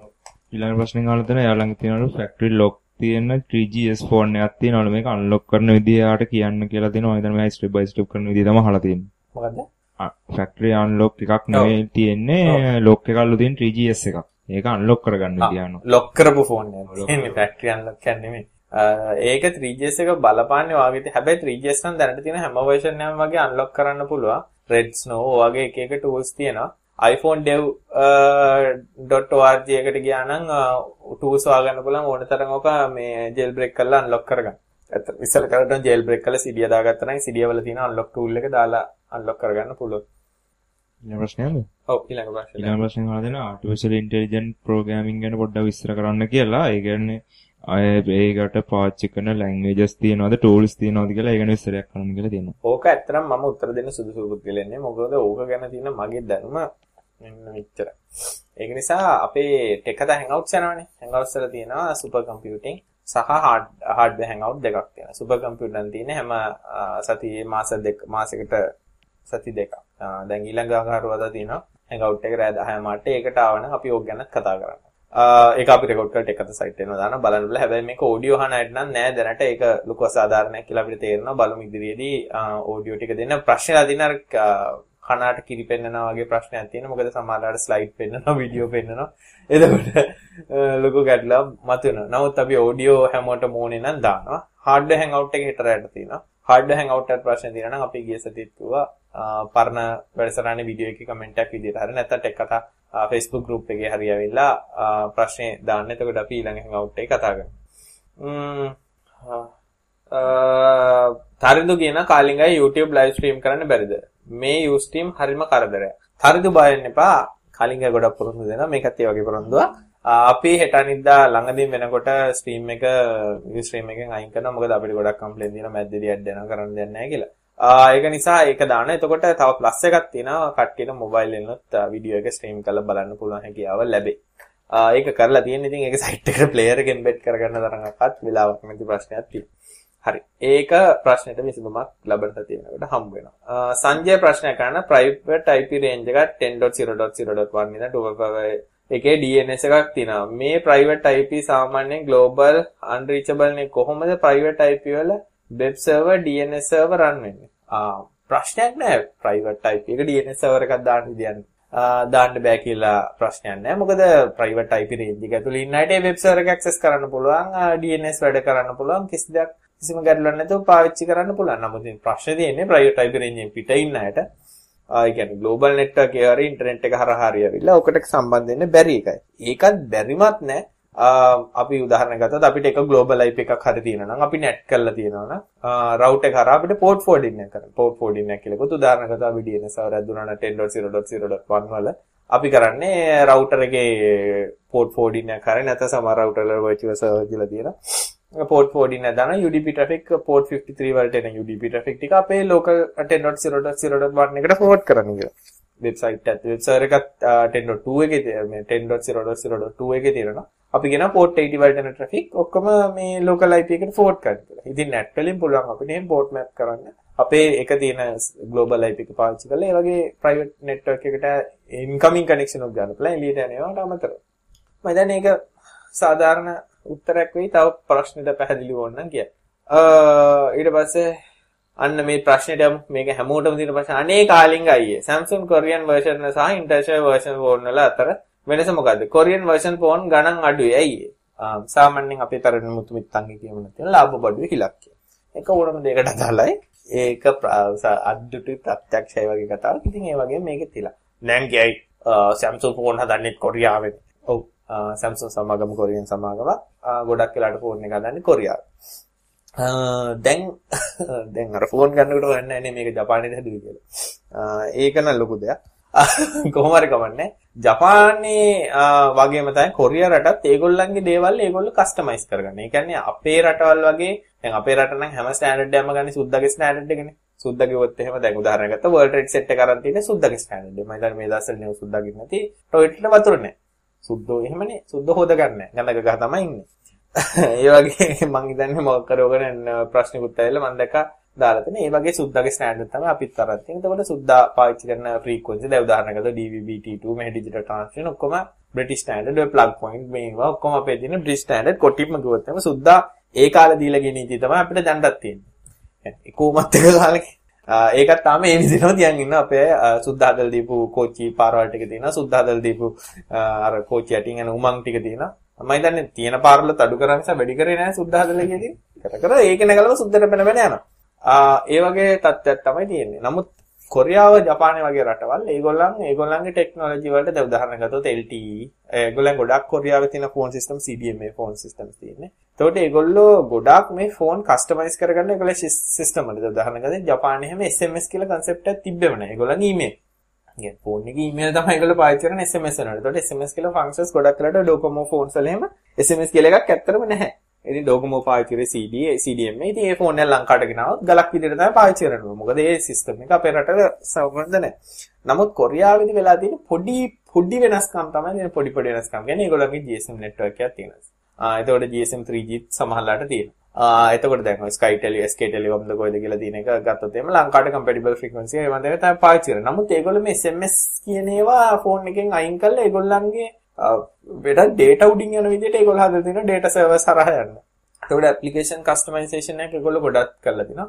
hardware පැත්තෙනත් ගොඩක් වෙනස්කම් කරලා තිනවා. එතකොට දැන් උදාහරණයක් ගත්තොත් එහෙම අපේ කොරියන් ෆෝන් එක ගනලා SMS එකක් ගවුවොත් SMS දෙකක් හැටියට තමයි යන්නේ. මොකද කොරියන් වලට ඩබල් බයිට් යුනිකෝඩ් පාවිච්චි කරන්නේ අපේ ඉංග්‍රීසි එක අකුරක් වගේ නෙමෙයි. මේ වගේ බයිට් දෙකක් යනවා කොරියන් අකුරකට. එතකොට SMS එක අකුර 160 භාගයට භාගයක් අඩු වෙනවා. අපි 160 එකක් ගවුවොත් ඩබල් SMS එකක් විදිහට තමයි යන්නේ. ඒ වගේ තව ඇප්ලිකේෂන් කස්ටමයිසේෂන් තියෙනවා. සමහර settings නැහැ. APN දාන්න විදිහක් නැහැ. ඒ වගේ ගොඩාක් settings මේ ෆෝන් වල නැහැ. ඉතින් ඒක තමයි මේක අඩුවෙන් දෙන්නේ. ඉතින් සමහර අය නෑ නෑ ඕක හදන්න පුළුවන් අර ROM එක දාලා මේ ROM එක දාලා ඒ ROM එක දාලා හදන්න පුළුවන්. ඒ ROM එක මේ ROM එක දාලා හදන්න පුළුවන් නම් අර විදිහටම ওই මිනිස්සු ඕක හදලම විකුණනවා අර ගහන්න. ඒක කරන්නේ නැත්නම් එහෙම හදලා හරියට විකුණන්න බෑ. ඒක හරියට වැඩ කරන්නේ නැහැ. ඉතින් ගෙවන ගානට ෆෝන් එකක් අර මොකක් හරි කරන්න ෆෝන් එකක් වෙනුවෙන් ෆෝන් එක හොඳයි. නමුත් මේ ෆෝන් වල තේරුම නැහැ. දැන් ඊළඟට ගියා ඉන්ටර්නල් ROM එක අරගෙන මේකට දාන්න බැරිද බෑ. මොකද hardware වලත් වෙනස්කම් තියෙනවා. ඉතින් ඒක නිසා ඕක තමයි අඩුවෙන් විකුණන්නේ. ඉතින් ওই ෆෝන් වල මම හිතන්නේ මීට කලින් මේ කතාවම කිව්වා. එක එක සෙල්ලම් දාලා දැන් උදාහරණ ගත්තොත් එම SMS application එක install කරගෙන දැන් මොකක් මොන හරි කරගෙන. ඉතින් ඕක SMS වැඩ කරන්නේ හැමෙන් ගල වැඩ කරන තත්ත්වයට හදාගන්න පුළුවන්. නමුත් ඒක අර ෆෝන් එකේ ලැබෙන හරිම එක්ස්පීරියන්ස් එක නෙමෙයි ලැබෙන්නේ. ඉතින් ඒක තමයි වෙනස ඉතින්. ඉතින් මොකද අර කැරියර් එකට ගොඩක් කස්ටමර් ජපානයේ ෆෝන් ගෙනාවත් ඔය ප්‍රශ්නේ තියෙන අඩු ගානේ VPN සෙටින් එකක් දාන්න බෑ. MMS සෙටින් එකක් දාගන්න බෑ. මොකද ඒගොල්ලෝ ඒ සෙටින් ටික ෆෝන් එකටම ප්‍රීබිල්ඩ් කරලා තියෙන අය හස්කම් කරන්න මුකුත් බෑ. tie ප්‍රශ්න තමයි කොරියාවෙන් ගෙනාවත් තියෙන එක තමයි ගොඩක් අය නොදැන ඔය රටේ ඉන්න අරන් එනවා. අරන් ඇවිල්ලා කරන්න දෙයක් නැති ගමන් ඊට පස්සේ ඉතින් අඩුවට විකුණලා දාන්න ඒක තමයි ෆෝන් වල තත්ත්වය. මම ප්‍රශ්න විසඳක් කියන්නේ දැන් ඔය වගේම තමයි දැන් ඔය කස්ටමයිසේෂන් වලදී ගොඩක් නොහිතන දෙයක් තමයි ටෙම්පරේචර් ඒවට වෙන දේවල් විශේෂයෙන් ගොඩක් බලපන්නේ ලැප්ටොප්ස් වගේ දේවල් වලට. මේ ඒවා ඩිසයින් කරලා සාමාන්‍යයෙන් පරිසර උෂ්ණත්වය ඒ වගේ දේවල් හිතනවා. මේ ඒකට ගැලපෙන තමයි මේ කූලින් සිස්ටම්ස් එමත් හදන්නේ ඩිවයිසස් ඩිසයින් කරද්දී ලැප්ටොප්ස් ෆෝන්ස් වගේ ගත්තාම ඉතින් අපි හිතුවත් ගොඩක් ශීත රට ශීත කාලගුණයක් තියෙන රටකට ගැලපෙන්න කස්ටමයිස් කරපු එකක් මේ ලංකාවේ රටක පාවිච්චි කරනකොට ටිකක් අප්සෙට් යන වගේ ඉඩ තියෙනවා විශේෂයෙන් ලැප්ටොප් වල එහෙම මේක ගොඩක් වෙනවා මදු ගහන ඩයලොග් 30% ප්‍රොමෝ එක අපිට ගන්න පුළුවන්ද ඩයලොග් කස්ටමර් කෙයාර් එකෙන් කියනවා එහෙම එකක් නෑ කියලා. ඔයා අදහස් කරන්නේ මොකද්ද 30% ප්‍රොමෝ එකක් කියලා. අපි කිව්වද ටෙක් කතාවල එහෙම ප්‍රොමෝ එකක් තියෙනවා කියලා. ගිය සතියේ ෆෝන් එක ගත්තා කිව්වේ. ආ මම ෆෝන් එක ගත්තාම හම්බ වෙන්නේ මාවර මොකද්ද කස්ටමර් කියලා ලෙවල් එකකට දාලා තිනවා. මට අවුරුද්දට ගන්න ඩිවයිස් එකකට 135ක එක ඩිවයිස් එකකට හම්බ වෙන දෙවෙනි ගන්න ඩිවයිස් එකට 135ක කොහෙද ඩිස්කවුන්ට් එකක් හම්බ වෙනවා. ඒක අර මොකක්ද ඒගොල්ලෝගේ ප්‍රයොරිටි මොකක්ද කියලා දැම්මාම මේ මෙම්බර්ෂිප් එකට හම්බ වෙනවා. නැතුව මොටව දෙන එකක් නෙමෙයි. ආ රයිට්. තරින්දෝ හන RTSP ප්‍රොටෝකෝල් එකද ටෙක් කතා වීඩියෝ වල පාවිච්චි කරන්නේ. yes එසේ. RTSP තියෙන. ඒකත් පාවිච්චි කරන්න බෑ. එතකොට ෆෝන් කොටිම ගොත් නෙම ගොම්බෙරි වලත් වැඩ කරයි. හරි. රිවයින් කරලා බලන්නත් දෙන්න. ඒ කියන්නේ පරක් කියලා වයයට පස්සට ගිහිල්ලා බලන්න. හරි. ඊට පස්සේ HTC 1 HTC 1 එක මම බිම දැම්මා. බිම දාලා වීඩියෝ බලන්නට පෙනේ මෙතන තුවාල වෙලා තියෙනවා මෙතන තුවාලලා තියෙන පේනවද දන්නේ මෙතන තුවාලලා තියෙනවා මෙතන තුවාලලා තියෙනවා මම මෙහෙම කෝල් එකක් ගන්නකොට මෙහෙම වට පහක් කරගෙන ඩොග් ගාලා ටයිල් එකට වැටෙනවා හැබැයි ඉතින් අර මොකද ඊයතකොද බලලා විදුරුව කැඩුනේ නැහැ. ඉතින් හේරෙන්න ඉතින් වෙන ඩැමේජ් යන්න නැහැ. ඉතින් ෆෝන් එක නම් හොඳට තියෙනවා. හැබැයි මේකේ ඇඟ සීතල වෙන ප්‍රශ්න තමයි මේ ෆෝන් එක කොහෙන්වත් ගලවන්න බෑ. මේක ටයිට් ෆිට් එකක් තියෙන්නේ. මේක ඇත්තටම මේ මේක fully අර ඇලුමිනියම් යුනිබොඩි ඩිසයින් එකක් තියෙන්නේ. kaduna.com කියලා තමයි හැමෝම කියන්නේ. නමුත් එක නිවුස් එකක් මම දැක්ක Samsung සමාගමෙන් කියලා තියෙන ඒගොල්ලන්ට නම් මේක ගලවන්න පුළුවන්. ඒගොල්ලෝ ගාව ස්පෙෂල් ටූල් එකක් තියෙනවා කියලා. ටූල් එක මොකක්ද කියලා දන්නේ නැහැ. ඉතින් Samsung ළඟ හින්දා. ෆෝන් එකේ විස්තර කිව්වොත් එහෙම ෆෝන් එක ගොඩක් හොඳයි. සතුටුයි ගත්ත එක ගැන. බැටරි ලයිෆ් එක ගත්තොත් සාමාන්‍ය මගේ භාවිතයේ කෝල් ලෙවල් ඔක්කොමත් එක ගත්තොත් පැය 13ක් පාවිච්චි කරන්න පුළුවන්. Wi-Fi on කරලා ඒවත් කරලා ඉතින් අවුලක් නැතුව පැය 13ක් පුළුවන්. ඊට වඩා නම් ගෙනියන්න අමාරුයි. සෙට් එකේ කෙනෙක් ගන්න කයි කාලෙන් අය high performance computing video එකක් ඕ කියලා. දෙයියනේ ටෙක් කතා සයිට් එකේ තියෙන්නේ. මලපයින් වෙලාවට තමයි. අයියෝ ඉතින් ඒක ඒක එක හොතක්. ඊළඟට තව මේක දැකපු දෙයක් තමයි මේගොල්ලන්ත් එක ඇප්ලිකේෂන් එකක් එනවා මේ HTC ලා සිං මේක දැන් ගොඩක් වෙලාට කරනවා ෆෝන් එකක් ගත්තාම අපි ඩවුන්ලෝඩ් කරන්න ඕනේ තමයි ඇප්ලිකේෂන් එක. දැන් ඇත්තටම HTC එකේ නම් ෆෝන් එක ගමම CD එකක් වගේ වෙනම ඇවිල්ලා ඒ ඇප්ලිකේෂන් එක තියෙනවා. ඒකට ඒක ඉන්ස්ටෝල් කරගන්න පුළුවන්. ඒක හැබැයි සින්දු කොපි කරන්න එම වගේ දේවල් කරන්න ටිකක් පහසුවෙන් තියෙනවා. අකමැති දෙයක් හැටියට දැක්කේ මේ HTC sense එකේ ඒගොල්ලෝ අර එක ටයිල් එකක් ගෙනල්ලා ඔය යූසර්ස් ලගේ මේ ෆොටෝ ටික ගේනවා. ඒක මම ඩිසේබල් කරලා දිනවා. මොකද ඒකට සාමාන්‍යයෙන් බැටරි බහින නිසා. තව අකමැති දෙයක් මේකේ මම අකමැති දෙයක් නම් තාම දැක්කේ නෑ. මගේ ඉස්සර ෆෝන් එකේ නැත්තන ප්‍රශ්න තියෙනවා කාර්යගත එක හරියට කනෙක්ට් වෙන්නේ නැහැ බ්ලූටූත් එකට කරන්නේ වගේ ප්‍රශ්න තිබ්බ. දැන් මේකේ නම් එහෙම ප්‍රශ්නයක් ආවෙත් නෑ. ඕඩියෝ ක්වොලිටි එක ගත්තොත් එහෙම සෑහෙන්න දුරට හොඳයි. සෑහෙන දුරට හොඳයි කියන්නේ සෑහෙන දුරට හොඳයි. මේකේ ස්පීකර් දෙයක් තියෙනවා සද්දක් තියෙනවා සාමාන්‍ය ඔය දෙන මේ ඉක්වලයිසර් මොකුත් නොදා ඔය වගේ ඉතින් සද්දෙත් තියෙනවා ඔය තියෙන්නේ අහනවා මේ මොකුත් ඉක්වලයිසර් මොකුත් නොදා නිකන් ප්ලේයර් එකේ මේකේ ඉතින් ස්පීකර්ස් දෙයක් දෙපැත්තේ තියෙන හින්දා හොඳයි. ඒ අරෙන්න මොනවද තව මේකේ හොඳ දේවල් දැක්කේ? වීඩියෝ ක්වොලිටි එක ඉතින් කියන්න දෙයක් නැහැ වීඩියෝ ක්වොලිටි එක හොඳයි. ෆොටෝ අර අපි කලින් කියන්නේ 4 මෙගාපික්සල් කැමරා එකක් තියෙන එක. ලොකු ගොඩක් අය හිත ගැඩෙන්නේ නැති මේක 4 මෙගාපික්සල් කැමරා එකක් තියෙන කම්පැරිසන් එක ගත්තොත් S4 එකට වඩා මේකේ ෆොටෝ මගේ ඇහැට දැක්ක විදිහට නම් හොඳයි. මොකද අපි දෙකක් ගහලා ෆොටෝ ඊමේල් කරන් බැලුවා. මේකේ ෂාප්නස් එහෙම S4 එකට වඩා වැඩි. ඊට පස්සේ උ මොකද්ද මේ? මොන හරි මැසේජ් ආ හරි. අනිත් දැකපු දේවල් තමයි දැන් මේකේ අර කන්ටැක්ට්ස් එහෙම සින්ක්‍රොනයිසේෂන් මට පෙන්වන්න පුළුවන් කන්ටැක්ට්ස් තියනවාද කියලා පොඩ්ඩක් පෙන්වන්න පුළුවන් කියන්නේ නම්බර පේන්නේ නැති වෙන කාගේවත් රයිට් කොහොම හරි මේක දැන් උදාහරණයක් ගත්තොත් චම්ලිය පෙන්වන්න ඕනේ. චම්ලි පබ්ලික් ෆිගර් එකක් නේ. දැන් උදාහරණයක් ගත්තා නම්බරයක් එහෙම ගන්න ගොඩක් වැඩ තියෙන ප්‍රශ්නයක් තමයි දැන් ඇඩ්‍රස් බුක් එක හොයන්න බෑ. දැන් මම මෙතන ටයිප් කරනකොට මේ මගේ යාළුවෙකුගේ ෆොටෝ එකක් ගත්තා ඉතින් මම මෙතන අකුරු පේනවා ඉතින් මේක මම චම්ලි ගහනවා නම් මෙහෙම දැන් කොහොමද කරන්නේ? මේක අර ආ රයිට් දැන් චම්ලිය ගන්න නම් චම්ලි කියලා ගහනකොට ඔන්න චම්ලිය ආව දැක්ක. දැන් ඇත්තටම මන්න චම්ලිගේ නම්බරේ නෙමෙයි ගැහුවේ. උඩ ඉන්නේ චම්ලි බයින දැන. නම්බරේ නම්බර එක පේන්නේ ඔය වගේ ඒ කියන්නේ ඇත්තටම මේ නම්බර් ගහනකොට එයා ප්‍රෙඩික්ට් කරගන්න අකුරු අනුව අපි ටයිප් කරලා දැන් අපි දන්නවා ඒ ඒ එකේ ඉලක්කමට ඒ අකුරු තියෙනවා දෙකේ දෙකේ ඉලක්කමට තියෙන ඒ වගේ නම් ගහනකොට ඒ වගේ ඇඩ්‍රස් බුක් එක ගන්නවා ඊළඟට අර කලින් පෙන්නෝගේ දැන් චම්ලිගේ මගේ රංගකෙකම් පෙන්නන්නකෝ දැන් රංගකෙක් ගත්තොත් එහෙම උට කෝල් වෙනවා. ඒක නවත්තලා මම ඊට පස්සේ ඇඩ්‍රස් බුක් එක ගත්තොත් එහෙම මේ බෑ චම්ලිව ගමු. චම්ලි ලෙවසි. චම්ලි චම්ලි හරි. චම්ලිගේ එක බැලුවොත් එහෙම චම්ලිගේ ඔක්කොම ප්‍රොෆයිල් ෆොටෝ එකක් ගෙනල්ලා දාලා තියෙන චම්ලිගේ. ඊට පස්සේ යට තියෙන චම්ලිගේ WhatsApp ආපුවා Google ප්‍රොෆයිල් එක ඩිරෙක්ට් ලින්ක් එකක්. චම්ලි අන්තිමට Twitter එකේ කිව්වේ මොනවාද? ඒ වගේ ටික ඔක්කොම මේක එක තැනකට ගේනවා. මේක ඇත්තටම Windows 8 ලා තමයි ඉස්සෙල්ලා මේ concept එක ගෙනාවේ අර people hub කියලා. ඒ කියන්නේ ඔක්කොම එක තැනකට ගේන එක. හැබැයි මම මේකේ තව එක එක කෙහෙල් මල් තියෙනවා මේකේ sense එකත් එක්ක enable කරොත් එහෙම Facebook කරාම මේවා මේ මගේ මේ ටයිල්ස් හැදිලා මෙතන නිවුස් කරාම මම දැන් උදාහරණයකට එඩ් ගැජට් හරි සීනෙට් හරි මාක් හරි නිවුස් සබ්ස්ක්‍රයිබ් කරොත් මේ ස්ක්‍රීන් එකට ඔක්කොම නිවුස් ටික එක ස්ක්‍රීන් එකට ටයිල් වගේ හැදිලා එනවා. තාමත් මට නම් කනගාටුවක් විදිහට 4.2 අප්ඩේට් එක ආවේ නැහැ. තාම 4.1 වලින් නේ. නමුත් 4.2 අප්ඩේට් එක දැනට HTC ලා රිලීස් කරලා තියෙනවා. ඉතින් අර හැමෝටම වගේ Google නොවන ෆෝන් එකක් ගත්තොත් Nexus range එකේ නොවන ෆෝන් එකක් ගත්තොත් හැමෝටම මේ දුක විඳින්න වෙනවා. අප්ඩේට්ස් එන්න ගොඩාක් කාලයක් යනවා. ඉතින් මේකත් ඒ දුකම තියෙනවා. දැන් හැබැයි පොඩි කටකතාවක් තියෙනවා 4.3 Nexus ඒ කියන්නේ HTC One එකට ඒගොල්ලන්ගේ ඒ කියන්නේ Google Edition එකට ඒගොල්ලෝ රිලීස් කරනවා කියලා. එතකොට හැබැයි ඔයගලන්ට පුළුවන් ඒ ROM එක අරගෙන මේ ෆෝන් එකට දාන්න. මොකද hardware wise phones දෙකම identical නිසා. ඉතින් ඒක නිසා ඒක ලොකු ප්‍රශ්නයක් වෙන්නේ නැහැ. ROM එක දාගන්න පුළුවන්.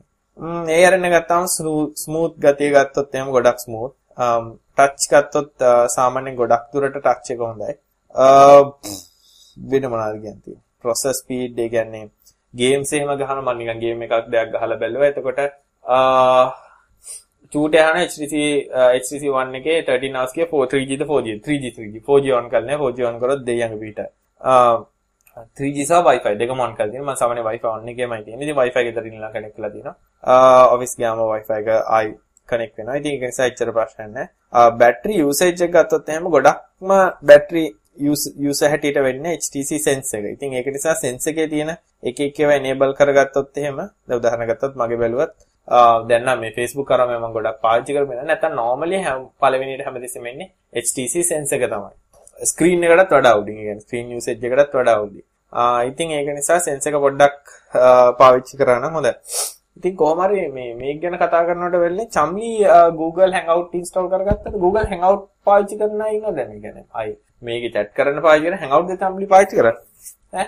ඒක පාවිච්චි කරන චම්ලිට තේරෙනවද? ඒ කියන්නේ මේ ෆෝන් එකේ Hangout එක? අර එදා අපි ටෙස්ට් කරපේකෙන් පස්සේ මම පාවිච්චි කරනවා. ඇත්තටම මට කියන්න කවුරු හරි කෙනෙක් ටෙක් කතා අහන එක්කනේ මේ ඇත්තටම ෆෝන් එකේ මලි පාවිච්චි කරනවා. වැඩි පාව නිකන් අතගාලා නිකන් බැලුවා. ඒක නෙමෙයි සාමාන්‍යයෙන් මම මැසේජ් ගහන්න මම ඇත්තටම ඕනේ මේ වයිෆ් එක කතා කරන සමහරලාට පාවිච්චි කරන ඉඳ මම මේ කොහෙද ඉන්නේ කියලා මම මගේ එන ගමනත් ඔෆිස් ඉන්නේ කියලා ගහන්න වගේ පාවිච්චි ඒ වගේ නිසා අර මම ඒ දවස්වල මේ ඇත්තටම ඒ කියන්නේ Google Talk එක පාවිච්චි කරා. මේ Hangout දාගත්තා පස්සේ මාර වුණක් වුණා. මට හොයාගන්න බෑ කවුද ඔන්ලයින් කවුද නැත්තේ. කොහෙද ඉන්නේ කොහොම මොනවාද මේ Hangout request එනවා ඊට පස්සේ invisible යන්න බෑ. හිතා ගන්න බැරි ප්‍රශ්න ගොඩක් තියෙනවා. ඒක මම දන්නේ මට නම් තියෙනවා පෞද්ගලිකව. අනිත් අයට ඔය ප්‍රශ්නේ තියෙනවද දන්නේ ඊට පස්සේ දැන් මේක ප්‍රිවියු එකකට මාරු කරමු. මම අද ඇප් එකක් ඉන්ස්ටෝල් කරා. ඇත්තටම මේ මේක ඇත්තටම XABBR X X Xbarද මොකක්ද ඒක නම? ඒ කියන වෙනම එකක් වනේ ඒක ඇත්තටම normal Google Talk විදියටම Google Talk එක නම. මගේ ගණන් ගන්න එපා. දැන් කට්ටියට පෙන්නත් මං ඇයි chat log වෙන්නේ නැත්තේ කියලා ඔන්න බලන්න. මේ තව යනවා. පොඩ්ඩයි. තව තව තව. මේ රෑ දවල් වරුවේ ගත්තා නම් මේක තව යනවා. ඒ තව යනවා. මේ ඔක්කොම ඔන්ලයින් ඉන්නේ නැති එක එක. ඔන්න ඔකයි මම chat එක log නැත්තේ ඉතින් ඒක ගත්තත් ඒකේ Google Talk විතරක් නෙමෙයි Google Talk පුළුවන්. ඊට පස්සේ MSN පාවිච්චි කරන්න පුළුවන්. ඒ කියන්නේ Skype එකමයි තියෙන්නේ. ඒක පාවිච්චි කරන්න පුළුවන්. ඊට අමතරව Facebook පාවිච්චි කරන එක chat interface එක ඔක්කොම ටික එකපාර log වෙන්න පුළුවන්. මම හිතන්නේ මේ app එක ගොඩක් වටිනවා මේ එහෙම chat කරන්න පාවිච්චි කරන ගොඩක් අය chat කරනවනේ ෆෝන් එක මම නම් chat කරන WhatsApp කරුණාම දැන් නම් WhatsApp chat එකක් හැටියට වැඩලා තියෙන්නේ WhatsApp එකේ chat කරන එක ලේසිනේ. අර WhatsApp වල වෙලා තියෙන්නේ දැන් data හැම හරියට නැති වෙලාවට ටිකක් අවුල් වෙන හින්දා ඒ කියන්නේ ගියාද නැද්ද දන්නේ නැහැ. අර හරිය වැටෙනවා කියලා හොඳට බලන් හිටියොත් හොඳයි. දැන් සමහරලාට මට උනත් මිස් වෙනවා සමහරලාට ගියාද නැද්ද කියලා. ඊළඟ app review එක තමයි මේක ඉතින් අර selective app review එකක්. Samsung Smart TV එකක් තියෙනවනම් ඒක ඇත්තට Wi-Fi connected හරි network connected හරි නම් තමන්ගේ ෆෝන් එක Android එකක් නම් ස්මාර්ට් රිමෝට් කියලා ඇප් එකක් තියෙනවා. දැන් මේ තියෙන්නේ ස්මාර්ට් රිමෝට් එක. දැන් මට පුළුවන් මේක අපේ දැන් ගෙදර ටීවී එක නෙට්වර්ක් එකේ තියෙනවා කියලා මෙතන ගිහිල්ලා මේක පළවෙනි එකපාරක් කරාට පස්සේ ඇත්තටම ආයි කරන්න ඕනේ. මෙහෙම සර්ච් කරලා කිව්වම එයා කරන්නේ මගේ නෙට්වර්ක් එකේ තියෙන ටීවීස් මොන හරි තියෙනවා නම් එයා කරන්නේ බලලා කියනවා ආ මෙහෙම ටීවී එකක් තියෙනවා මෙන්න මෙහෙමයි කියලා චුට්ටක් වෙලා යනවා. කියනවා. ඉතින් මේක කනෙක්ට් කරගත්තට පස්සේ ඇත්තටම රිමෝට් එකෙන් කරන වැඩ ටික ඔක්කොම මේ දැන් මේ ටීවී එක ආවා. මම මේ ක්ලික් කරොත් එහෙම එයා ටීවී එකට ලොග් වෙලා එකපාරක් පළවෙනි පාර කනෙක්ට් කරනවා ටීවී එකේ මැසේජ් එකක් ඇවිල්ලා අහනවා මේ මේක ලව් කරන්න දෙපාද කියලා. Samsung Smart TVs ගොඩක් ඒවට. මේක පාවිච්චි කරන්න පුළුවන්. ඊට පස්සේ ඉතින් කනෙක්ට් වුණාට පස්සේ අපිට පුළුවන් මේකේ ටීවී එක ඇත්තට රිමෝට් එකෙන් කරන හැම දෙයක්ම මේක හරහත් කරන්න පුළුවන්. දැන් උදාහරණයක් ගත්තොත් මට ඕනනම් මේක ඉන්පුට්ස් මාරු කරන්න. හුට. මොකද්ද බලන්න මොකද්ද කරනවා වගේ. මේකද මේක ආ දැන් මොගලන්න පොඩේ බටන බුල්පන්. දැන් මේව HDMI input 1 එක 2 එක සිලෙක්ට් කරන්න පුළුවන්. දැන් මම හදිස්සියේ මේ TV කියලා සිලෙක්ට් කරොත් එහෙම TV එකට යනවා. මේ පොඩ්ඩක් ඉන්න. අර ඒ ගුටි කන්නේ මට අද්ද වැඩි කරන්න ඕන. අර අර කෑග. ඒ වගේ ඊට පස්සේ වෙන වෙන දේවල් කරන්න නම් මෙතන ගිහිල්ලා ඒ ටික කරන්න පුළුවන්. ආයි ඉන්පුට් එක මාරු කරනවා නම් ආයි HDMI 1 වලට මාරු කරන්න පුළුවන්. සද්දයෙන් වැඩි කරනවා නම් මෙහෙම වැඩි කරා සද්ද එහෙමත් දන්නේ. ඒ සද්දයෙන් ටීවී එකේ. ඊපස්සේ සද්ද ඔෆ් කරනවා නම් ඔය වගේ අඩු කරලා දාන්න පුළුවන්. ඉතින් ඔය වගේ රිමෝට් එකක් විදිහට පාවිච්චි කරනවා. ඕක මම හිතන්නේ පාවිච්චි කරන්න පුළුවන්. Sony වලට නැද්ද කියලා නේද? Sony වලටත් රිමෝට් එක මම දැක්ක හැබැයි හැම කොයි ටීවී වලට වැඩ කරනවද කියලා දන්නේ නැහැ. ඉතින් අර රිමෝට් එක ඇත්තටම දැන් මේ කාලේ මම දන්නේ මගේ ටීවී එකට මම දැක්කද රිමෝට් එක ආරක්ෂා කරගන්න ඕනේ. ඒක ටච් පැඩ් එකක් තියෙන්නේ. ඉතින් ඕක ඉක්මනට නරක වෙන්න ඉතින් ඒක නිසා මේ කොහරි ගෙදරයි ඩීවල් වෙනවා මම පිස්සක් කිරින්න ඕන. ඕක පාවිච්චි කරන්න පුළුවන්.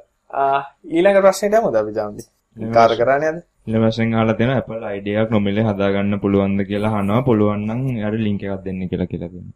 ඔව්. පුළුවන්. ඒක කරන්න හරිම ලේසි. ඉස්සෙල්ලාම කරන්න ඕනේ iTunes සරහා ගිහිල්ලා free app එකක් හොයාගන්න. free app එක ගත්තා අපි දන්නවා WhatsApp free නෑ.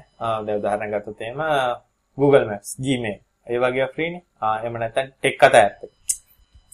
ඉන්න මොනවාද තව? ටෙක් කතා ඇප් එක සිලෙක්ට් කරා. ඊට පස්සේ ඔබ මේක දානවා නම් ඔයාට account එකක් ඕනේ කියලා. ඒක හරහා ගිහලා රෙජිස්ටර් කරන ෆ්‍රී ඇප් එකක් නිසා ඔයාගෙන් අහන්නේ නැහැ මුකුත් ක්‍රෙඩිට් කාඩ් ඩීටේල් එක.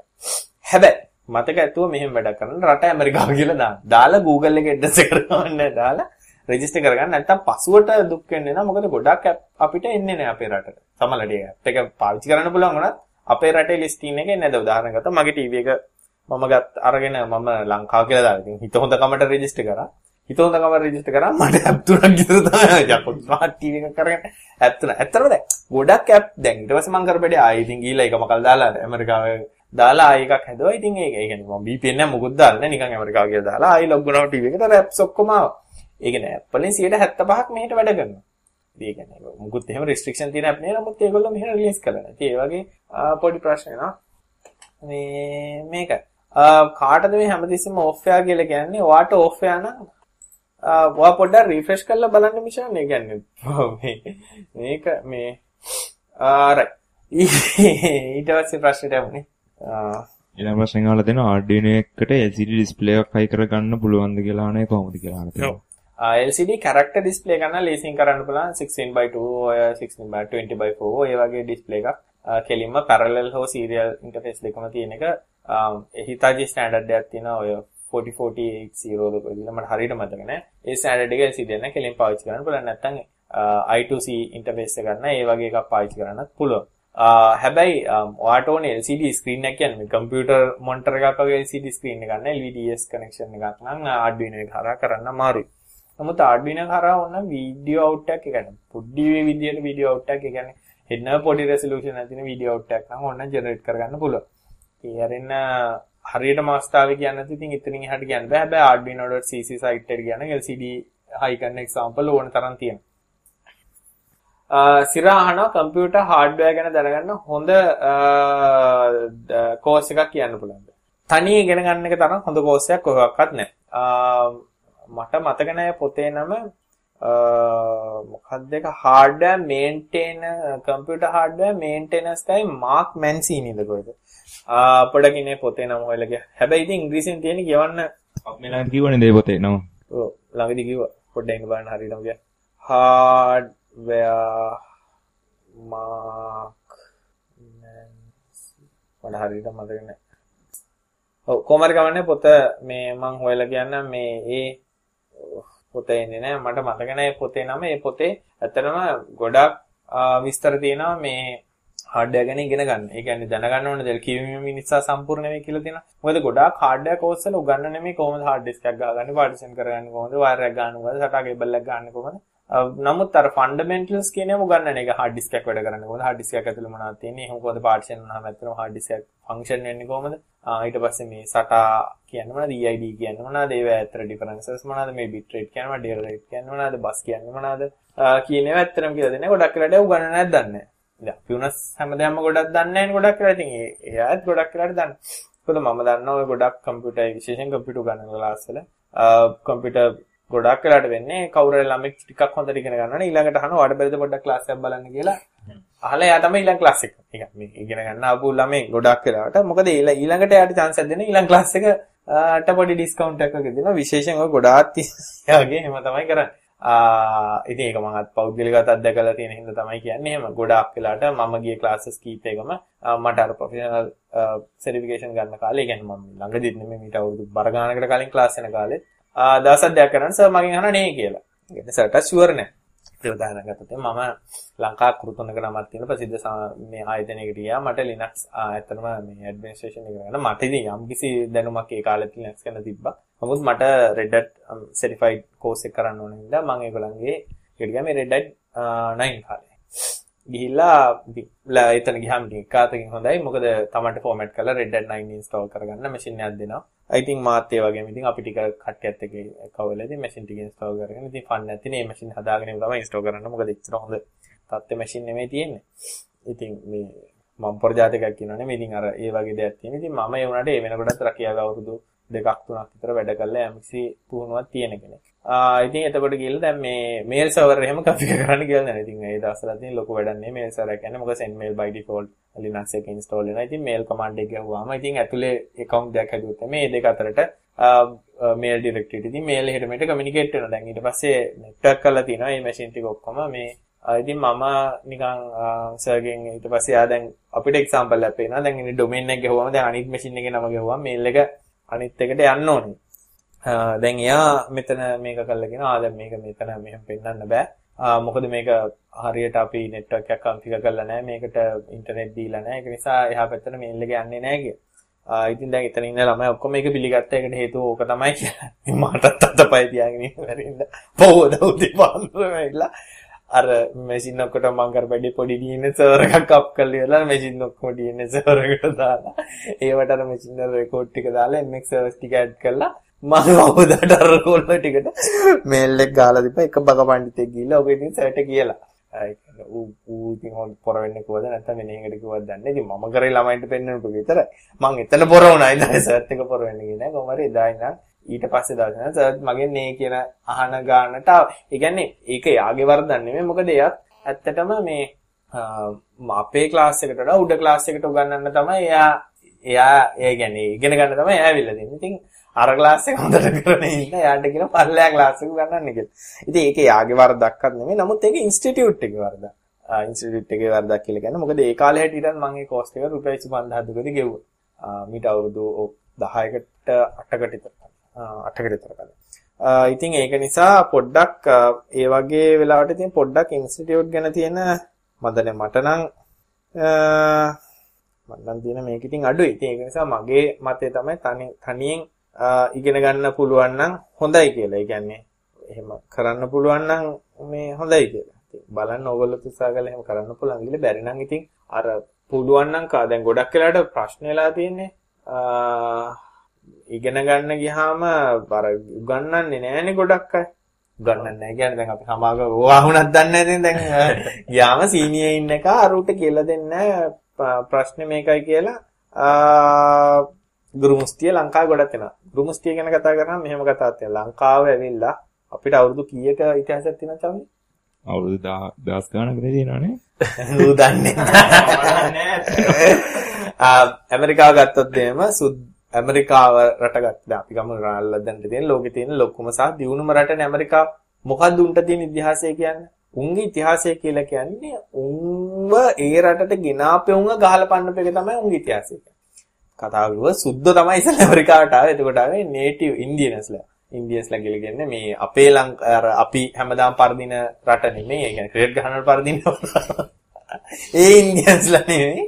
නේටිව් ඉන්දියන්ස්ලා කියලා. ඒ කියන්නේ අපේ ලංකාවේ වැද්ද හිටියා වගේ ඒ රටේ හිටිය වැද්ද జాති. රතු ඉන්දියානු. රතු ඉන්දියානු. ඉතින් සුද්දෝ ටික ඇවිල්ලා ඉතින් තී හදාගෙන බීලා අර සුද්දන්ට මේ අර ඉන්දියන් උන්ගේ උන්ගේ නිජ බිම්බලින් උන් එලවලා මුන් ගෙවල් හදාගෙන ඉඳලා හිටපු එක තමයි ඇත්තටම ඇමරිකාව කියලා. ඊට පස්සේ කරපු වැඩේ අප්‍රිකාවෙන් එහෙම කළු ජාතිකයෝ ගෙනල්ලා උන් වහල් විදියට පවත්වාගෙන ඉඳලා උන්ගෙන් වැඩ අරගෙන උන්ට ගහලා උන්ට දෙන්න දෙන වද 32ම දීලා ඒවට හියුමන් රයිට්ස් නැහැනේ. ඉතින් කොහොම හරි ඒ කළා එහෙම ආපු රටක ඊට පස්සේ මුන් ටික කෝලාහලයක් ඇති කරලා ඒ කියන්නේ අපේ ඔය දැන් කළු ජුබිලිය වගේ තිබ්බ එකක් ඇති කරලා සුද්ධ ටික ගහලා පෙන්නවා. ඒ කියන්නේ ඇමරිකාවේ ඒ හැදිච්ච උන් ටිකක් කවලා සුද්ධ ටික ගහලා පන්නපු එක තමයි උන්ගේ රෙවොලූෂන් කියලා කියන්නේ. උන් ඒක ඒක අර ටීවී සීරීස් එකක් මම කියන්නේ උන්ගේ රෙවොලූෂන් එක කියලා කියන්නේ ඒකයි. ඉතින් ඒක තමයි උන්ගේ තියෙන ඉතිහාසය. සාමාන්‍යයෙන් අපේ ගත්තොත් එහෙම අපේ ඉතිහාසය උගන්වලාට අපේ සාමාන්‍ය මිස් කෙනෙක්ට නම් ඒක පන්ති වාරකදී යන්න පුළුවන්. ඒ රටේ ඊළඟ ඉතිහාසය තමයි ජනාධිපතිවරු කී දෙනෙක් හිටියද කියලා. ආ මෙයා තමයි පළවෙනි ජනාධිපති, මෙයා තමයි දෙවෙනි ජනාධිපති කියලා කියන විදිහ. ඒවා තමයි ඒ රටේ ඉතිහාසය. මේම රටක් නෙමෙයි අපේ රට ඇත්තටම බැලුවොත් අපේ රටේ අවුරුදු දහස් ගාණක් පැරණි. ඒ කියන්නේ සීගිරිය වගේ හදලා සීගිරිය උඩට වතුර අරන් ගිහිල්ලා ස්විමින් පූල් හදලා දැන් උදාහරණ ගත්තොත් එහෙම දැන් කැණීම් කරනකොට එතකොට අපේ පුරාණ රජවරු මේ කොච්චර හදලා තිනවද මේ වැව් හදලා ඒවා බේලි හදලා එතකොට ගොවිතැන් කරන්නේ ඒවට වතුර යවනේදී හදලා අද කාලෙත් ඉංජිනේරුවරු පුදුම වෙනවා කොහොමද මෙච්චර මැතමැටික්ස් වලින් දියුණුනේ කියලා. ඒ කියන්නේ උදාහරණ ගත්ත සමහර ඇලවල් තියෙනවා කිලෝමීටරයට අඟලක තමයි ස්ලෝප් එකක් තියෙන්නේ. කොහොමද කරේ කියලා එකක්වත් හිතා ගන්න බෑ. දැන් අද වුණත් සීග්‍රේට් ගියොත් එහෙම අර උල්පත් වලින් වතුර එනවා තාමත් වැඩ කරනවානේ. ඉතින් ඉච්චර දියුණුවක් තිබ්බ අපේ රටේ දැන් උදාහරණයක් ගත්තොත් අපේ උදාහරණයක් ගත්තොත් අපේ වෙදකම සිංහල වෙදකම දැන් ගොඩක් අය දැන් ඒකත් අල අල වෙලානේ තියෙන්නේ. ඒ කියන්නේ ඉස්සර නම් සිං දැන් දැනට උනත් ගොඩක් සුද්ධෝ ওই පෙති වලට දාලා තියෙන්නේ මේ සාක්කවල තියෙන ඒවා. ඒ වගේ දේවල් තමයි මේ මිනිස්සු මෙහි ඇදලා අරගෙන කරලා තියෙන්නේ. මේ අපේ වගේ රටක මොන හරි දෙයක් වාගත්තොත් ඒක මුන් උස්සන් ගිහිල්ලා උන් එකක් වගේ විදිහට විකුණන එක තමයි සාමාන්‍යයෙන් කරන්නේ. නමුත් අපේ අයගේ තියෙන ප්‍රශ්න දෙකක් තමයි පිටාතියගෙන මම සිංහල කෙනෙක් වශයෙන් මට තියෙන ලොකුම දුකක් තමයි ගුරු මුස්තිය. ඊට පස්සේ තමයි ඉරිසියාව. සහ එකට ඉන්න බැරි ගම. මේ පැත්තේ පුල්ලෙන් නම් මුටාරින් කොහොමද කියලා තියෙනවා මෙතන ඉන්නේ. ඒ ඌට වඩා ලොකු එකක් කරන්න කොහොමද කියලා තමයි ඉතලෙත්. ටෙක් කතාල් ටෙක් ඩුයින් එකද ඕකට අරලා අපිට එකක් හදන්න බැරිද කියලා තමයි ප්ලෑන් එක. ඒක තමයි අපේ සාමාන්‍ය ගතිය. ඒක ඉතින් DNA අණු වලින්ම ඇවිල්ලා තියෙන ගතියක්. ඉතින් ගුරු මොස්ටින් ඇත්තටම උනේ දැනුම එන එක එන්නේ එන්නේ එන්නේ අඩු වෙන. දැන් තා දැන් උදාහරණ ගත්තොත් වඩු මඩුවක ඒ කාලේ අපි හිතමු දැන් ඒ කාලේ ගොඩක් තිබේ වඩු මඩුව. එතකොට ගොවිතැන්, එතකොට කෙම් ක්‍රම හැමතිස්සෙම ගෝලයට ගුරා චුට්ටක් අඩුවෙන් තමයි දුන්නේ. අපි හිතමු දැන් මම 100ක් දන්නවනම් 90ක් මන්ට එක කතාවල බෙදුණා. මම 10 තියන් ඉන්න මොකද මම පරදින්නත් මම රජ වෙලා ඉන්න බෑ. ගෝලයා රජ වුණත් කියලා වෙනවනේ. ඉතින් එහෙම එහෙම මොනේ 10 10 10 10 10 හැලිලා අන්තිමට අපිව මයිනස් වුණා. දැන් දෙයියනේ අපිට පුක පිහදාන කොලෙත් ඇමරිකාවෙන් ගියේ. ඒකත් ලංකාවේ දාගන්න බෑ. ඇල්බෙන්ද ඇමරිකාවෙන් ගේන්නේ. I think ඒක තමයි ලංකාවේ කඩාවැටි. තාමත් කරන්නේ දේවල් මිනිසුන්ට ඉරිසියා කරන අය අනුන්ට ඇඟිලි දික් කරන එක අනුන්ගෙන් වැරදි පෙන්නීම. ආ එහෙම නැත්තම් කාගේ හරි දෙයක් කියප. අපි හිතමු කට්ටිය සෙට් වුණා කියලා. මට නැත්තම් මේක කියන්න අපි ඇතුළේ කවුරු හරි එකෙක් ගැන කතා කරන්නේ. ආ රූබම් මෙහෙමයිනේ අයියෝ චාටර් බම් මෙහෙම වැඩ සීන් යන්නේ කරලා තියෙන්නේ කියලා කියන. නැත්තම් කොහේවත් යන කෙල්ලෙක් ගැන ඔය එක බං අර අර අරුත් එක්ක තියාලේම ඔබ දන්නේ නැහැ කියලා ඕවා තමයි කතා කරන්නේ. ඉතින් ඇත්තටම ඕකෙන් වෙන්නේ සමාජයේ පිරිහීමට ලක් වෙනවා. ටීවී එකේ නාට්‍යයක් බැලුවොත් ඒකේ තියෙන්නේ මොකද? කෙල්ලෙකුගේ කොල්ලෙකුගේ යාළුවෙක් ඉන්න උත් ඒ කෙල්ල තවත් කොල්ලෙක් එක්ක යාළු. එහෙම නැත්තම් දැන් උදාහරණයක් ගත්තා මේ ළඟදී මොකක් හරි නාට්‍යයක් ගියා ඒ කොල්ලා මොකක් හරි බලවුවකෙක් ඌ තව කෙල්ලෙක් එක්ක යාළුවා කොහමරි බලන වලව්වේ හාමුගේ දුව. තමයි අර ඔයාලා. ඉතින් ඕම මොම හෙන්න වඩ අටම ගාලියක්. ඕවා තමයි පෙන්වන්නේ. ඉතින් එතකොට වෙන්නේ මිනිස්සුන්ගේ මේ මනස හැදෙන්නේ ඒ මට්ටමද උදාහරණයක් ගත්තොත් රේඩියෝ එකේ දැන් මීට අවුරුදු අපි පොඩි කාලේ හැදෙන රේඩියෝ එක දැන් උදාහරණයක් ගත්තොත් ටෙක් කතාවල නම් බස් ඇසිරියෙන් බලන මගේ අන්තිම චාටර්නේ. ඒ කියන්නේ ඒක හිනට පිරිහිලා තියෙන්නේ. ඒ කියන්නේ අපිට කරන්න දෙයක් නැති ලෙවල් එකට පිරිහිලා තියෙනවා. අපිටත් වඩා පිරිහිලා තියෙන අපිට අපිට වඩා පල්ලෙහින පරම්පරාව. අඩු ගානේ මිනිස්සෙක්ගේ කතා කරන්න තේරෙන්නේ අදහසක් කියන්න තරම් වචන ටික ගලප ගන්නද? ප්‍රශ්නයක් එක් කතාවකට එවන්න ලියා ගන්න තේරෙන්නේ ඒ කියන්නේ අකුරු අඩු කෑලි හැලිලා. ඒ ලෙවල් එකට ඇවිල්ලා තියෙන එක කියලා ගහන්නේ එක කියලා ලියන්නේ කීලක්කම ලියනවා. මේ මේවා දැන් කිව්වට වැඩක් නෑ අම්මලත් කියනවා තාත්තලත් කියනවා ගුරුවරුත් කියනවා හැම එකම කියනවා. නමුත් අපි ಜಾති වලට බයින එක එක ಜಾති වලට. අත්ත කතාව ඒ ಜಾති අපේ ಜಾති වලට සමගි. සම්පෞද්ගලික ಜಾතිවාදයට අකමැති. නමුත් තමන්ගේ જાතිය රැක ගන්න එපා. තමන්ගේ જાතිය රැක ගන්න නම් තමන් එකතු වෙලා ඉන්නවනේ අනුන්ගේ જાතිය වලට බැලලා වැඩක් නැහැ. අපි අල්ලපු ගෙදරම අද ඔය විදියට වැඩක් නැහැ දෙන්නේ අපේ ගෙදරේ උමාරින්න ඉතින් ඒක තමයි තියෙන ප්‍රශ්නේ. අපි ශක්තිමත් නම් අපිට පුළුවන් නැගී හිටින්න ඕන දෙයක් වෙන්නේ. අපේ ගෙදර ආර්ථිකය ශක්තිමත් නම් අපේ ගෙදරේ කට්ටිය එකමුතු නම් අපේ ගෙදර කට්ටිය අතර හොඳ බැඳීමක් තියෙනවා. අදහස උමාරු වෙනවා. අපේ අයට නැගී හිටින්න පුළුවන් ඕනම බලවේගයක් වෙන්නේ මොකද අපි හැමතිස්සම ශක්තිමත් නිසා. නමුත් අපි අර කටුමැටි බිද්ද තියෙන ගයක් වගේ කාට එක අරගෙන ඉන්නවනම් අපේ මිනිස්සුන්ම අපිට විරුද්ධව හරවන්න පුළුවන්. මොකද අල්ලපු ගෙදර කට කතා කරලා කියන්න පුළුවන් ආර හොදන්නේ වගේ මාත්‍ය හොයන තියලා වෙන කෙනෙක් කියන්නේ අරව පිළිගන්න. මොකද අර ගේ ඇතුලේ බැඳීමක් නැහැ මේ පැත්තේ කඩයක් දැම්මොත් එහා පැත්තේ අපේ කෙනෙක් නම් අනිත් කඩෙත් ඉන්නේ. අර පැත්තේ කඩේ කාට කවදක්වත් බඩුවක් මං අහනවා ගිහිල්ලා. උපුල්ම උපුල් මේ ඔයාගා මේ තියනද ආඩිනෝ කරන්නේ හොඳටම උපුල් දන්නා මාගාව තියනවා කියලා තම්මියට කවදාවත් කියන්නේ නැහැ කඩේ බලන්න. මේ එනම් හොයාගන්න බෑ පොඩ්ඩක් කොළම ගිහිල්ලා බලන්න. අන්න ඒක තමයි අපේ தත්ත්වය. ඉතින් ඕක තමයි ප්‍රශ්නේ. ඕකට එක තවල කියලා වැඩක් නමුත් මට හිතේ දුකට තමයි ඔය ටික කියුනේ. මොකද අපේ මිනිස්සුන්ට වෙන දේවල් දැක්කම ඉතින් දුකයි. ඔෆිස් එක ගත්තත් ඒක ප්‍රශ්නේ. අපේ ජාතිකාට අපේ කාරින්නේ කොහොමද? තමයි බලන්න. ඉතින් අනේ අනේ මිනිස්සු hinaවේ අනේ කියලා අපිට අන්තිමට ඉතුරු වෙලා තියෙන මේ රට විතරයි. මේකත් අපිට නැති වෙනවා. ඒක වෙලා තින්නේ මොකද දැන් කවුරුහරි මේක විකුල දානවන හොඳයි බං එහෙම උත්තර මේ රට වැඩක් නෑ. ඔව් වැඩ විකුල දාන කියලා එහෙම තමයි කතා කරන්නේ සුද්ධියට දුන්න නම්. එහෙමකුත් කරලා කියලා රට ගැන හින කතා දැන් උදාහරණ ගත්තොත් මේක වැරදිට ගන්න බෑ මම සාමාන්‍යයෙන් මේ වෙනකන් ජීවිතේට ඡන්ද ප්‍රකාශ කළේ නැහැ. ඒ නිසා මම කිසිම පක්ෂයකට පක්ෂපාතී නැහැ. ඒක කලින්ම ගෙලින්න බෑ. උදාහරණ ගත්තොත් මාත් එක්ක හැමදාම යන්නේනකොට දැන් පාරවල් හදනවනේ කොළඹ පැත්තේ ලස්සනට. හොඳට හදනවා ඈ. මාර විදිහට මේවා ගහන වෙදිනේ. බලපං ඉතින් මම මේ පාරවල් ටික 1000 ගානේ තිබ්බනම් අඩියකට කීයක්ද? කෝටි කීයක්ද? කට ඇරලා ගියපන් යකෝ මේ කොළඹ ලස්සනයිනේ. දැන් උදාහරණ ගත්තොත් අපි පිටරටකට ගියාම දැන් මම සිංගප්පූරු ගියා. සිංගප්පූරු මැක්සානේ. ඔය යන්නේ කුණු කෑල්ලක් පාරේ නෑ මාර ලස්සනයි. හරි පිළිවෙලට තියෙනවා. ඉතින් දෙයනේ අපේ රටත් එහෙම වෙනවට ඇයි අකමැති? බැලි පාක් එක තියෙන නාවල. ඕකේ දුවනවා මේකනොත් කොහොමද ගහලා දෙන්නේ? මහා මේක දීලා නෝන ගහලා ගහලා කියලා ඒක දුවනවා. ඒ ඔන්න ඕක තමයි අපේ ප්‍රශ්නේ. හැම දෙයකම නරක දේ විතරයි දකින්නේ. හොඳ දකින්නේ. එක්කනත් එහෙමයි. ප්‍රශ්නයක් අහපුවා ඌ එකට බයිනෝ විතර. ඌට ඇයි එහෙම ප්‍රශ්නයක් උනේ කියලා උත්තර දෙන්නේ නැහැ. ඒක අපේ ඇඟින්ම පවතිනවා ඒ ඒ ගතිය. ඔන්න ඕක තමයි අපේ ජාතියේ ප්‍රශ්නේ කාට හරි කියන්න පුළුවන් නම් මම වැරදි කියලා මම කැමතියි ඒක ගැන දැනගන්න. මොකද හැත්තම කනගාටු ඒ වගේ දේවල් දකින්නකොට ඒ කියන්නේ අපේ අය අපේ අය වෙනුවෙන්ම කරන කැලිගොඩ ත්‍රී වීලර් එකක් නගින්නකෝ. අපේ අපේ මෙවුන් ඒවා ගොඩක් කරලා එලවන්නේ. මුගෙන් කීයක් හරි වැඩියෙන් කඩා ගන්න කියන පරමාර්ථයෙන් නෙවෙයි කියන්නේ ඔක ඉන්නේ. කවදක්වත් හිතනවද මේ හටත් මේ මිනිස්සයා මාත් එක්ක යන්නේ කියලා නෑ. කොහොමද අරින්නේ? කොහොමද මුගෙන් කීයක් හරි වැඩිපුර කඩා ගන්න කොහොමද දුර වැඩි කරගන්නේ? කොහොමද දුර වැඩි කරගන්නේ? ඌ අන්දන්න පුළුවන්. නැත්තම් ඉතින් 50ට කතා කරපු එක බහිනවට 75ට ඉල්ලනවා. බෑ බෑ ට්‍රැෆික් ගොඩක් ඔන්න ශ්‍රී ලංකාව. එන ප්‍රශ්න දේශපාලනෙත් කළා. පැය විනාඩි 8යි. එක ප්‍රශ්නයයි. ඊළඟ ප්‍රශ්නේ අහලා තියෙනවා එයා වෙබ් එකක් මේ බ්ලොග් එකක් පවත්වන යනවලු ඒක පවත්වන්න එයා ඉස්කෝලේ පොත කියන ෆොන්ට් එකෙන්ලු එයාට දැන් ඕන වෙලා තියෙන මලිති කියන ෆොන්ට් එකෙන් ලියන්න ඕන වෙලා තියෙනවලු එනවාට ඒකට ඒක කරන විදිය ගැන එයාට දැනුමක් නැල්ලු ඔව්. මේක කරන්න ඕක ප්‍රශ්නේ තමයි අහසයි පොළව එක්කව කරන්න try කිරීම. අහසයි පොළව එක්කව කරන්න try කරනවා කියන්නේ ඉස්කෝලේ පොත කියන්නේ යුනිකෝඩ්. යුනිකෝඩ් කියන්නේ දැනට ලෝකයේ සම්මතයක්. ඒකට අපේ භාෂාවත් ඇතුළත් කරලා. ඒකට පින් සිද්ධ වෙන්න තමයි අපිට දැන් කම්පියුටර් වල සිංහල පේන්නේ, ෆෝන් වල සිංහල පේන්නේ.